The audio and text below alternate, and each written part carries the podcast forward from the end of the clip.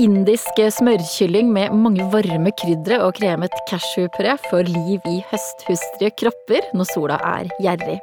Chutney av mango, plommer eller epler sammen med det milde indiske brødet nan er et must tilbehør, og jeg har funnet den perfekte stekemetoden for nan. Og så får du vite hvordan du koker risen helt perfekt.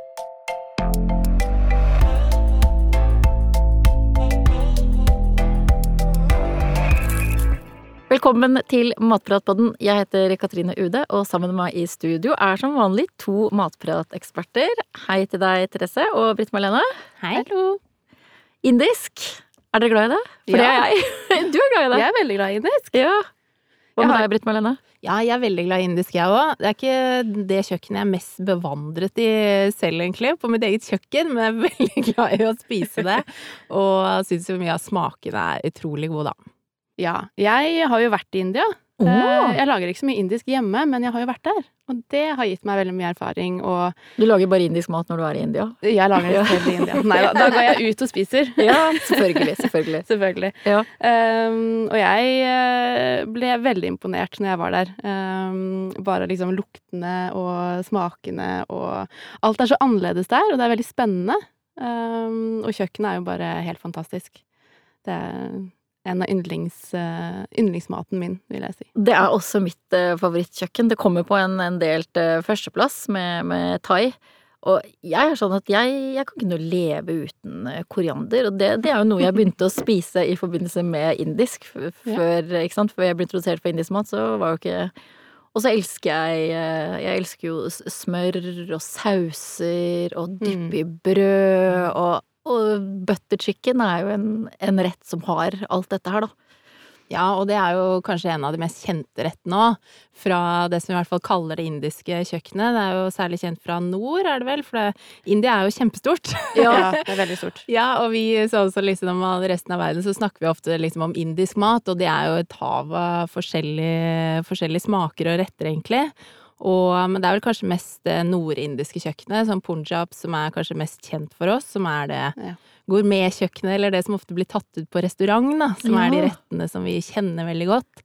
For det kanskje er litt mer meieriprodukter, du har de der gode liksom brødene med bakt med gjær, nan. Og så masse yoghurt i sausen, Masse fløte, masse smør. Å, jeg elsker det. Og så har du den basmati-risen òg, ikke sant, fra nord, som kommer ut med liksom smak av Himalaya og alt, og og, det, og de der godt. nydelige fargene òg, da, som de har også i risen, når de bruker er det safran, kanskje. Ja, åh, det er Ja, jo ja. Safran og kanskje litt chili har de òg noen ganger, som Mm. har den der røde, fine fargen. Mm. Mm. Det er veldig godt. Og vi har jo oppskriften vår da, på butter chicken. Den er jo, jeg ville si, er ganske autentisk. I hvert fall godkjent eh, for oss. Mhm. eh, Og er jo da fra kjøkkensjefen på en indisk restaurant i Oslo, Listen to Baljit. Mm. Der har jeg spist. Eh, ja, Ja, du det. Ja. Og du, Katrine er veldig god til å få tak i oppskriftene fra restaurantene. Vi har tatt en. Katrine her, Ja. og gått eh, til kilden, så det, det syns vi også er litt eh, stas, da, når vi får tips utenifra som eh, for å lage skikkelig gode retter, da. Mm. Jeg syns det er veldig fint med butter chicken, at det er en ganske barnevennlig indisk Ja. rett. Det er en som Ja. barna mine ofte For den er mild, og sant, mye smør. Eh, runde det Mm. Smøret gjør at det blir rundere, og så kan du jo Mm. variere chilien. Så det er også et veldig bra tips. Hvis du skal ha lage indisk, eh, og det er eh, ja, Ja, barn som sitter rundt bordet, så er den, det en ja. Sausen er jo ja, det, det er jo noe av det aller viktigste, når, i hvert fall når jeg lager indisk. Jeg elsker saus i Mm. alle former, men særlig i indisk. Hva er liksom greia med den indiske sausen? Hva er triksene, Therese? Uh, ja, jeg kan jo dra oss litt sånn kjapt gjennom eh, sausen til butter chicken, da. Ja. Um, og da lager man først en cashewnøttpuré, som man gjør uh, ved å bløtlegge cashewnøtter i ca. 30 minutter. Uh, gjerne mer hvis du har tid til det. Eh, Trekker de da vann, på en måte? De trekker liksom inn vann, og så blir det mykere, sånn at det blir Mm. enklere da å lage en eh, puré ut av det. Og det gjør du gjennom å sile av vannet, og så bare kjører du med en stavmikser eller blender. Mhm. Alt ettersom det du har tilgjengelig på kjøkkenet ditt. Mm. Jeg er også med på å gi veldig sånn god sånn krema. Mm. Det høres jo veldig godt ut, sånn cashewpuré. Cashewpuré høres Ja. veldig eksklusivt ut. Mm, enig. Og det er et steg jeg absolutt anbefaler å gjøre. Det er mange som kanskje tenker at de vil eh, droppe eh, å lage den cashewnøttpureen, eh, fordi de kanskje ikke får tak i cashewnøtter eller ikke tåler det. Hvis du ikke tåler det, selvfølgelig, så dropper du det. Men jeg anbefaler å lage det, for det gir en sånn helt egen fylde og nøtteaktig smak til rettene, da. Mm. Som mange kanskje ikke tenker på. De bruker kanskje mer fløte istedenfor. Uh, ja, det er noe eget. Det er en med den eh, cashewsmaken. Det er noe helt eget, så jeg Mm. anbefaler å gjøre det. Men Mm. selvfølgelig, hvis du har nøtteallergi eller noe sånt, så kan man selvfølgelig bruke Men kunne man da, hvis man eksempel er allergisk mot cashew eller nøtter, kunne man bytta det ut med å gjøre noe med mandler? Ja, For jeg har hatt noen indiske oppskrifter da, hvor man bruker mandler også. det kan man nok helt Ja. sikkert. Hvis det ikke er sånn at man er generelt allergisk mot nøtter, da. Da er det jo da Ja, men ofte så er det jo at mandler er litt sånn sin egen, på sin egen lille Da øy. går jo selvfølgelig Ja. det, Mm. det an. Mm. Og så når du har laget denne cashewnøttpureen, så eh, hakker du opp tomater og freser det med litt olje, hvitløk, ingefær, chilipulver, kardemomme og bukkehornskløver. Mhm. Og så tilsetter du cashewnøttpureen, freser dette litt sammen, Mm. kjører det glatt igjen, sånn at sausen blir helt smooth. Mm. Uh, og så småkoker du det litt videre. Uh, og da kan du smake til med litt honning, grønn chili, salt og pepper, før du da tilsetter um, fløte og smør, som gjør da sausen sånn ekstra, ekstra god og, Mm. og digg. Men du sa du hakker tomater. Uh, Brett Marlene, når vi bruker tomater i den type saus, Ja. er det, hva slags tomater skal vi gå for? Er det hermetiske, ferske? Ja, det kan du egentlig variere litt med, etter, særlig etter sesong. Ehm, det er jo veldig godt å bruke ferske tomater, syns i hvert fall jeg. I hvert fall hvis du får tak i noen med litt sånn god smak. eh, Og gjerne med litt sånn mørk farge. Ikke gå for de aller de der eh, helt lyse som ligger ute i, sånn i bulk i butikken, uten smak. Du må velge de som har litt god smak. Og det kan jo gjerne være sherrytomater òg, som har litt sånn sødme.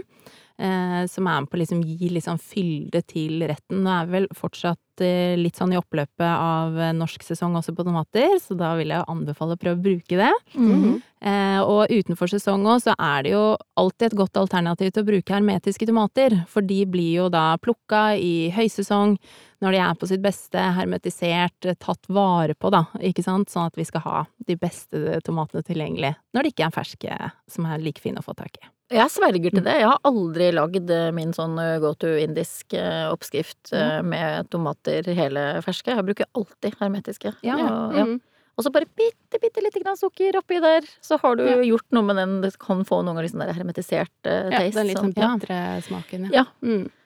Så jeg sverger til, til, til boksene der, altså. Ja, og det er nok et veldig smart triks også for folk å bruke, for da vet du i hvert fall at de er, de er veldig gode, da. Og Mm. velg gjerne en sånn god sort. Mm. Og det som du sier også med å ha i Jeg elsker alltid litt sukker når jeg bruker eh, tomater også, for å få fram litt av den Få fram mye av smakene, rett og slett, da. Mm, For sukker er jo også en sånn smaksbærer, Mm. Mm. som er Men Therese, du nevnte jo en del eh, krydder. Kan ikke vi ta Hva slags krydder er det vi går for i denne retten her? I denne retten så bruker vi garam masala.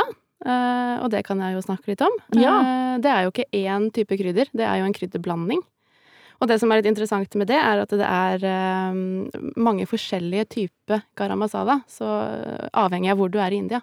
Å Så det fins ikke bare én type garam masala-blanding, men det fins mange forskjellige, avhengig av hvor du er. Ok. Det syns jeg er litt, eh, litt kult, da. Ja, for jeg har jo det hjemme. Det bruker jeg i min rett, men den mm. heter jo bare garam masala. Mm. Men kanskje det er at det Vi er har nok sikkert liksom ikke så veldig mange forskjellige i Norge, vil Nei. jeg tro. Eh, her Nei. er det vel mest bare garam masala. Men det kan vel også være sånn, sånn som det med at hver familie kanskje har sin egen Mm. blanding, eller at du har på en måte husets miks, da. Mm, Mm. Ja. Men hva er det som er i denne krydderblandingen garam masala, Therese? Ja, det består av eh, varme kryddere. Litt sånn som sort pepper, chilipepper, koriander, spisskummen, kardemomme, kanel, uh, muskatnøtt og nellik. Og I denne oppskriften så har vi garam masala og chilipulver. Mm. Og i India så finnes det jo selvfølgelig mange forskjellige typer chili. Men det er én type jeg har lyst til å trekke fram, og det er kashmir-chili. Har du hørt om det? aldri hørt om! Nei! Kult. Wow, det hørtes utrolig Ja, det eksklusivt ut. veldig pent ut, ikke sant?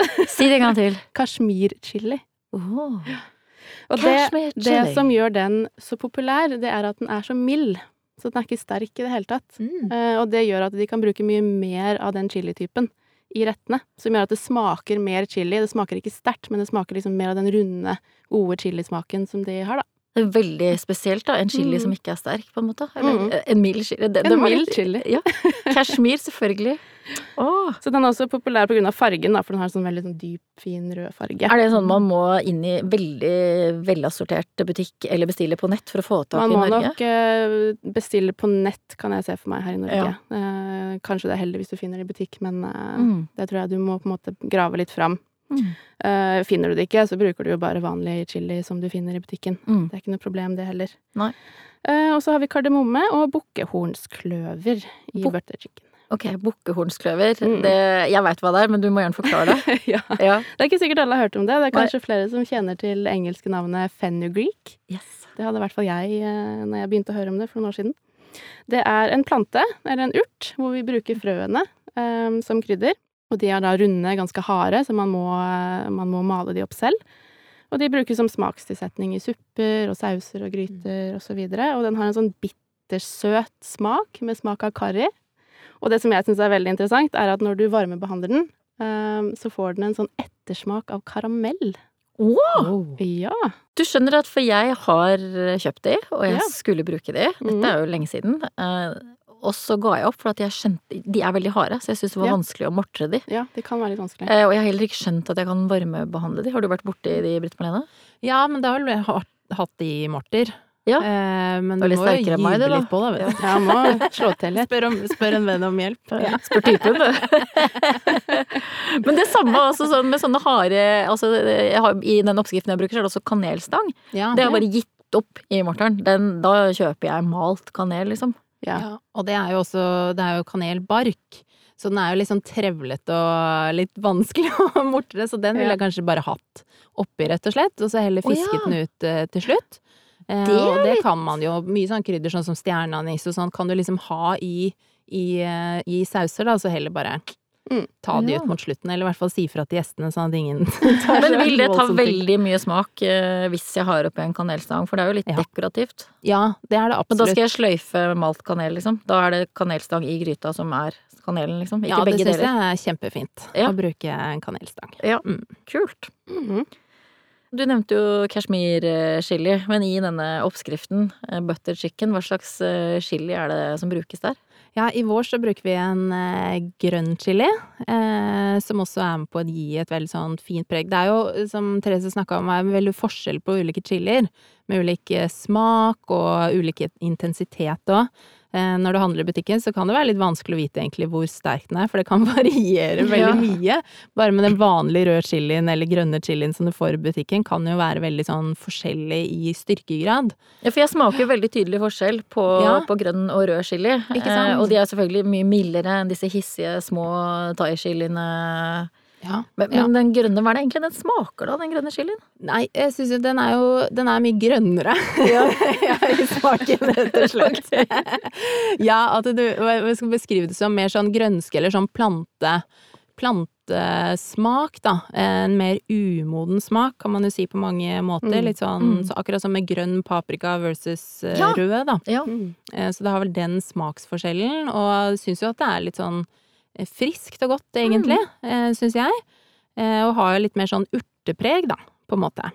Eh, Og da kan man jo også velge litt hvor mye man ønsker å tilsette. Vi var jo litt inne på det her med å servere til familie og barn i stad. Ja. Og da kan det jo være greit å i hvert fall ta og smake litt på chilien før man tilsetter den, for å liksom vite hvor sterk Jeg, er. jeg brukte en grønn chili for litt siden som var helt sinnssykt sterk. Å ja, Hvor, den eh, var liksom odd one out, som ja, var sånn jeg syns den var veldig sterk, så liksom det å smake litt på de før man tilsetter det, for det kan være liksom forskjell eh, i de på en måte vanlige, da, Mm. som man får i butikken. Mm. Eh, og heller tilsette litt og litt, og så går det an å alltid toppe med litt sånn grønn chili for de som er, Mm. liker det hot.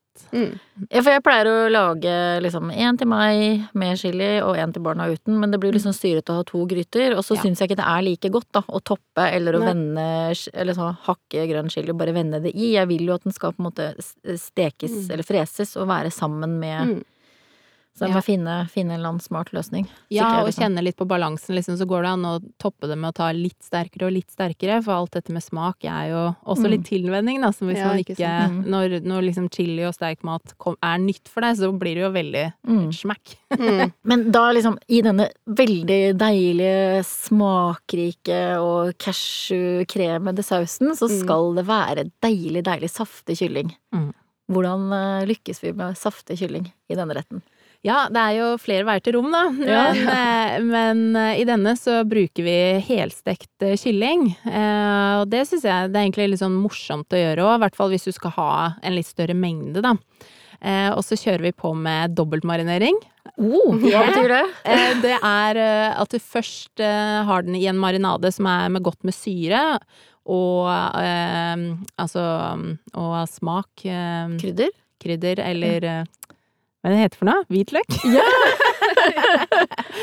Veldig vesentlig ingrediens i Den der! Hvitløk og ingefær, altså sånn som gir godt med syre og smak i den først, da. ja. Eh, og det kan jo være med på liksom Tradisjonelt når du har syre, er det jo for å bryte ned kjøttet litt, at det skal bli litt mørere. Det er jo mørt allerede, kyllingkjøttet. Mm. Men så, det gjør jo da klar for neste marinade, som er en yoghurtmarinade. Ok, for du tar det først i den Ja. første, og så ut. For jeg gjør alltid en smekk. Ja, det kan man jo også, men da vi har den sånn at vi eh, først tar det den syremarinaden, Ja. eh, og så bare lar den stå, og ikke tørke noe vekk eller noe, bare la det være på. Så En liten den syretripp først. liten syretripp først, Ja. preppe litt med det. Ja. Eh, og så har en yoghurtmarinade med masse deilig krydder, og den kan godt så ligge over natta, eller i hvert fall en del timer, hvis man ønsker det. For da er liksom kyllingen liksom mer mottagelig for Ja, ikke sant? Mm. Og kan gjerne også eh, ha litt sånn snitt i kjøttet, sånn at alt Mm. trekker sånn godt inn. Og det her med å tilsette en marinade med fett, altså sånn som yoghurt er, da, eh, det er jo også med på å øke litt sånn saftigheten. At man liksom baster det med sånn godt eh, fettlag. For ky- kylling er jo veldig magert i seg selv. Eh, og så er det jo stekingen i ovn. Eh, man kan gjerne bruke et steketermometer eh, til denne prosessen, sånn at den ikke blir for overstekt, for det er ofte problemet med kylling. mm. Eh, og hvis man eh, setter i et steketermometer, har eh, kyllingfileten, setter, setter i altså der hvor fileten er, på kyllingen, Mm. Brystet. brystet, Mm. Stikk den inn i brystet. Stikk den i brystet. Det er liksom den tykkeste, tykkeste delen. Og kan ha den opp til en 68 grader, ikke noe over, og så kan man heller la den hvile litt etterpå. Mm. Eh, og sånn at all, all juicen på en måte trekkes inn i kjøttet, da. Mm. Og så eh, Da er vi på en måte ferdig med stekingen, og så kan man heller plukke kjøttet, og så bare ha det i sausen, og bare la det varme opp eh, lett, sånn at man ikke fortsetter å koke den eller steke den for mye i sausen. Mm. For da at den ikke blir overstekt, rett og slett, da. Er vel det lureste trikset. Jeg kjenner godt til overstekt eh, kylling, for moren min har alltid, alltid vært sånn som skal oversteke kylling. Ja. Det vil jeg si er det beste tipset vi har, å bare Åh. ikke oversteke kylling. Ja, og mange er jo liksom stressa for det, ikke sant, fordi kylling, man har lært at det skal være Ja. gjennomstekt, og Mm. da, men bruker man et steketermometer, og her skal den jo både stekes og i sausen videre, så da kan man heller, hvis den er litt eh, lavere i temperatur, så kan man heller la den ligge i sausen litt lenger, Mm. sånn at man ikke dobler ut begge de to i hvert fall. Da håper vi at mammaen til Therese hører på podkasten i dag. Men, eh. Men eh, Therese, hvis jeg ikke orker å styre med en hel kylling, er det innafor med en kyllingfilet? Går det an å bare bruke oppskriften og ha en annen type Ja. stykningsdel? Selvfølgelig er det det. Ja. Man må ikke steke en hel kylling. Men dette er mer hvis man har lyst til å liksom virkelig gå inn i oppskriften og virkelig lage en ordentlig god uh, butter chicken. Men Mm. selvfølgelig kan du bruke vanlig kyllingfilet og steke den Mm. som du ville gjort, og så hatt det i sausen. Ja, for det er litt sånn hverdag, og jeg skjønner jo altså, har du gjester eller ja, Ja. du har litt god tid, så er det jo veldig flott å bruke Du kan jo også kjøpe en ferdig grilla kylling og rive kjøttet fra den også. Det, Ja, det er fall Ja, det er jo skikkelig hverdagsvarianten. det er skikkelig hverdag. Ja. Og hvis du også har lyst til å bare ta enkeltstykningsdeler, da, så vil jeg også anbefale å kanskje prøve ut lårfilet. Mm. Det er min favoritt. Du er veldig glad i lårfilet. ja, for Ja. den, er, den har bitte litt mer fett. Det er jo ikke snakk om mye, for det er fortsatt kylling, da, men eh, som er litt enklere å få saftig og god, da. Mm. Ja. Så jeg, eh, jeg bruker ofte Ja, det har jeg, det har jeg prøvd på grunn av deg. Når Ja, du Det har jeg friterer, når du, ja, når du friterer og lager de der sykt gode kyllingburgerne, så har jeg også brukt lår. Ja, Eh, for de og blir det, så saftige og gode. Det er takket være deg. Hun med låret, vet du. Hun med låret, vet du. Ja. Ja. Men det er masse deilig tilbehør.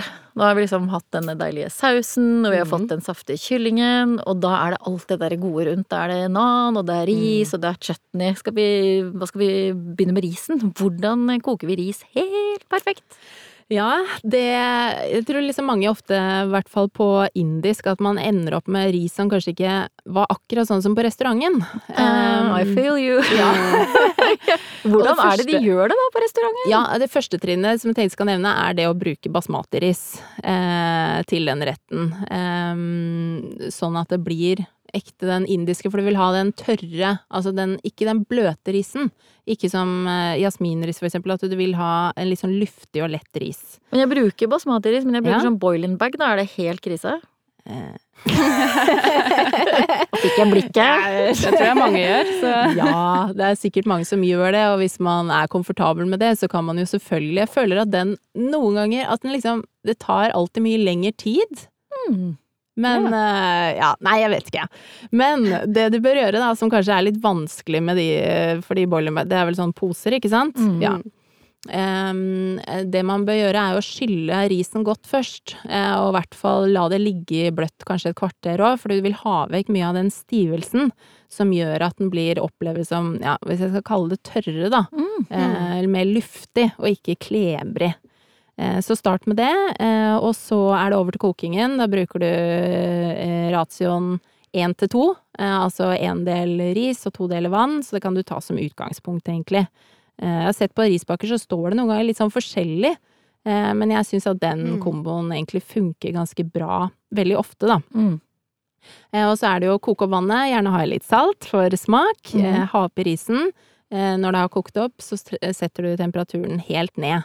Eh, sette på lokk, og da gjelder det å ikke, Ikke? ikke røre det lokket. Ok. Ja. Eh, og la det stå en 20 minutters tid, men du skal ikke ta det opp, ikke begynne å røre i det, det skal stå der helt for seg selv. Ja. Som er litt med av den triks, av ja, den gåten, da. For Men du å få sier sette, sette plata på, liksom ta det helt ned. Er vi Ja. på én, to, tre, er vi på fem? Kjenn litt forskjell på hvordan plate du har. Eh, ok. Hjemme hos meg så er det én eller to. Oh, ja, Så okay. veksj mellom de to. Det skal Ja. helt ned. Så det skal ned. bare stå sånn og dampe Mm. egentlig godt for seg selv. Eh, og når det har gått en 20 minutters tid, da kan du ta og røre litt i det. Eh, og så gjerne la det stå enda litt lenger, og bare eh, stå og trekke og hvile til slutt. Rett og slett. Så det skal liksom stå og stå, og på den basmatirisen så kan du se at den er ferdig. Oi, Eh, ja. Det er litt vanskelig å formidle sånn bare med stemme. Men den på en måte reiser seg i kjelen. Ja, ok. Katrine Belva står der. At den på en måte står litt sånn opp som, som et piggsvin, på en måte. da. Oh, ja. At den er litt sånn turt-turt-turt Ja. eh, rundt omkring. Eh, som, Den reiser liksom bust, på en måte? Ja, den reiser på en måte bust. Og du kan jo, kan jo google det, du som It's hører på det. Ja, for å se det bildet. For det er litt fint å ha å gå etter. Skal jeg google 'risen reiser seg'? Ja, gjør det. Men eh, er det noe, hvordan kan vi få til litt sånne gode smaker? Altså, da mener jeg restaurantsmak på risen. Hva er det de Ja. bruker? Er det smør? Det kan jo være litt forskjellige ting, kanskje. Ja, Også tror kanskje frest opp med krydder. Ja, krydder og safran eh, mye. Ja. Litt chili, som vi nevnte i stad. Det Mhm. varierer nok fra kjøkken til kjøkken, kan jeg se for meg. Ja, kanskje alle har sin eh, Ja, lille det- hemmelighet. Men jeg elsker jo at det er safran i risen. Det er fordi jeg syns det er så fine farger. Men jeg har aldri Ja. tenkt over at det gir smak. Gjør det det? Eller sånn mye? Litt? Ja, litt smak gir det jo. Ja. Eh, Det er jo litt som å tenke på disse lussekattene, ikke for å dra det Jeg er helt ikke til noe jul. glad i men, eh, lussekatter. nei, Men den har jo en liten bismak, så hvis du Ja. kjenner til den smaken, så er det jo Ja, ja, ja. litt lignende. Og så kommer vi til eh, høydepunktet for meg, og det er nanbrødene. Jeg Nanbrød. elsker nanbrød, og jeg har jobba så mye med ulike deiger og metoder for å steke den helt perfekt. Mm. Så nå er jeg veldig spent på å høre med dere ekspertene eh, Ja. hvordan dere Hvordan vi gjør det. Ja, hvordan Ja. dere gjør det. Jeg tror jo altså det er noe som eh, varierer veldig på hva folk liker, da. Hvordan de liker nanbrødene sine. Jeg husker når jeg var i India, så fikk vi en type nanbrød som jeg syns var veldig god, og det var en veldig sånn crispy utside, eh, utside, mm. og en veldig sånn myk, deigete innside, på en måte, hvis det gir mening. Ja, det gir mening. Ja. Eh, og så var den ganske sånn godt brent, og det var litt hvitløk og olje på. Hvor i India var du forresten? Jeg Var du... i Goa. Oh, mm. på- er det, det er det hippe stedet, det? Det er kanskje Yoga. typisk. Ja, yoga, ja. ja, Ja, ja, ja. Og der fant du liksom ditt nanbrød. Der fant jeg mitt nanbrød. Og der fant jeg maten min generelt, vil jeg si. ja. Eh, Men sånn som vi gjør det, da, det er at vi har eh, melk, gjær og sukker i en bolle. Og så lar vi den stå litt til det begynner å skumme. Mm. Som vil si at jern eh, begynner å aktivere seg sammen med sukkeret. Og så har vi mel, bakepulver og salt i en annen bolle før vi kombinerer dette sammen og blander det sammen. Og tilsetter også yoghurt naturell og olje. Mm. Og så elter vi dette i ca. ti minutter. eh, Før det hever første gangen, og så baker du det ut. Og så hever du det på nytt før du steker det. Mm. Så det er en ganske sånn kort og kjapp prosess. Den oppskriften jeg bruker, da skal de heve fire timer. I fire timer. Ja. Ja. Det varierer nok kanskje også hva man vil. Man kan jo kanskje langtidsheve og gjøre litt sånne fiffige vrier på det. Mm, og da kan man jo justere litt mengde gjær man bruker. ja. Mm. Eh, hvis man vil ha den lenger, eller hvis man også kanskje vil ha det i kjøleskapet natten over, sånn at den er klar, eh, klar til fest dagen etter. Mm. Kan man jo også bare justere den og bruke litt mindre, mindre gjær. Du er også glad i nanbrød? Ja, jeg, els jeg elsker brød. For du driver alltid og griller brød når du er på Ja. tur. Jeg er veldig glad i sånn stekebrød, Ja. grillebrød, ha liksom fersk, ferskt brød, sånn Ja, for det er jo litt sånn nanish, det òg, ikke sant? Ja, det Ja. er jo det, og det, det gir liksom så luksus til alt, da. Alt Ja. blir godt med sånn Ja. eh, nystekt brød. Mm. Og nanbrød det stekes jo sånn originalt i en sånn tandoor-ovn. Altså sånn glovarm eh, leireovn, gjerne sånn i bakken òg. Mm. Så det er jo en litt sånn ekstra kul eh, måte å steke brød, da, Mm. tenker jeg. Og jeg har jo forska veldig mye fra jeg begynte å lage eh, nanbrød, og jeg lager også eh, luksusvarianten, da. Det er at jeg fyller de med Det kalles persvari-nan. Jeg fyller de med Ja. masse godt sånn type sånn nøtter, mandler, sukker, oh, ja, smør. det er. Ja, veldig godt. Ja. Eh, aldri hatt en gjest på besøk som ikke har elsket det. Og så begynte jeg liksom å tenke hvordan skal jeg steke det? Jeg har jo prøvd alt fra å liksom ha en eh, panne, eller altså stekebrett i ovnen, at det blir varmt. Jeg har også prøvd å steke det på en glovarm jernstekepanne med mer eller mindre hell, og ting det, det svir jo litt og det ryker litt. Og så kjøpte jeg meg pizzastål etter at Ja. vi snakka om perfekt eh, pizzadeig. Så nå steker jeg nanbrødene på det pizzastålet, og de bare Ja. De blir jo helt Det, de blir helt uh, perfekt. Ja, det er et helt fantastisk triks. Ja! Det vil jeg si òg, altså. Det er genialt. Ja, og det er ikke sant at når det tradisjonelt sett bakes på så høy temperatur, for det er jo det som Akkurat som med pizza, da, ikke Mm. sant? Når vi reiser, vi kan reise gjennom Italia over til eh, India. Ja! Eh, så det er jo vanskelig å få til det hjemme. Eh, Men hvis man da bruker pizzastål da, og smekker opp ovnen til full guff, sånn at man i hvert fall får det så varmt som mulig, smekker inn ett og ett der, så går det mye fortere. Eh, Og da får du i hvert fall godt med så mye varme du får til, da. Ja. Jeg ble så Eh, glad når jeg fant ut Ja. av det, for det tok litt tid. Jeg har hatt det pizzastålet, og så plutselig tenkte jeg ja, men selvfølgelig kan jeg bruke det når jeg også skal steke nan. Ja, og det er jo supert. Det er sikkert mange som har kanskje kjøpt seg pizzastål hjemme òg, som Mm. eh, det er en måte å få brukt det litt mer på. Ja. Eh, og da får du jo den varme snittflaten. Jeg spiser mye indisk òg. Ja. Men jeg spiser mye indisk òg.